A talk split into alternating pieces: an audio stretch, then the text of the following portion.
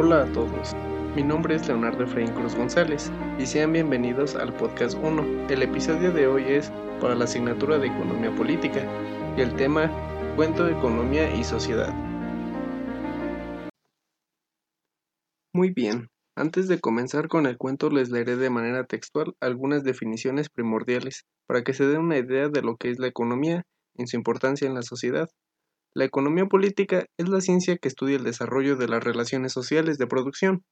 Estudia las leyes económicas que rigen la producción, la distribución, el cambio y el consumo de los bienes materiales en la sociedad humana, en los diversos estadios de su desarrollo, y se divide en dos ramas principales de estudio.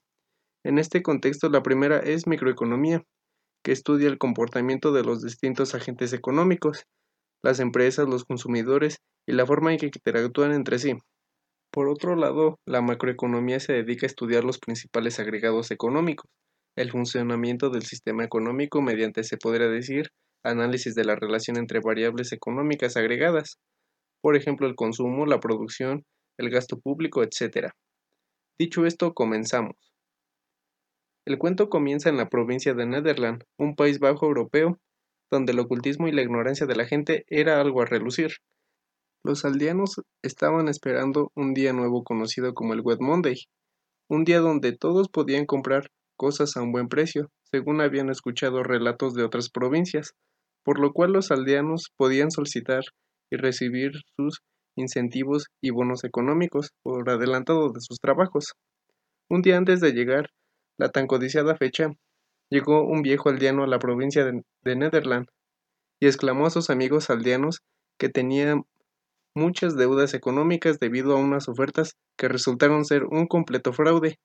Le relató que compró un respirador de 50 francos y resultó que el producto estaba obsoleto y que según debido a un problema que los vendedores tenían, él debió pagar 500 francos.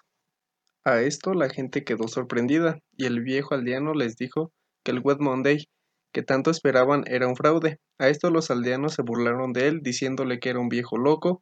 Debido a la burla y el desprecio de la gente, el viejo aldeano optó por irse de la provincia. Al día siguiente comenzó el Wet Monday. Se podía ver cómo la gente compraba más de lo que podía pagar debido a que les daban facilidades de pago, sin saber que los productos que compraban eran obsoletos y de mala calidad.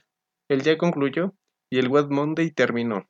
A la mañana siguiente comenzaron a llegar recibos, cargos a sus tarjetas y a fallar productos que habían comprado, y que algunos eran de primera necesidad, por lo cual a esto quisieron devolver cosas, pero como el White Monday tenía solo ofertas y en sus tickets decía sin devoluciones y cargos a la tarjeta, los aldeanos no pudieron hacer nada y tuvieron que trabajar por mucho tiempo, incluso turnos dobles para pagar las deudas que les generó el Wet Monday todo por no hacer caso al viejo aldeano que trataba de persuadirlos para que no cayeran en las mismas trampas económicas.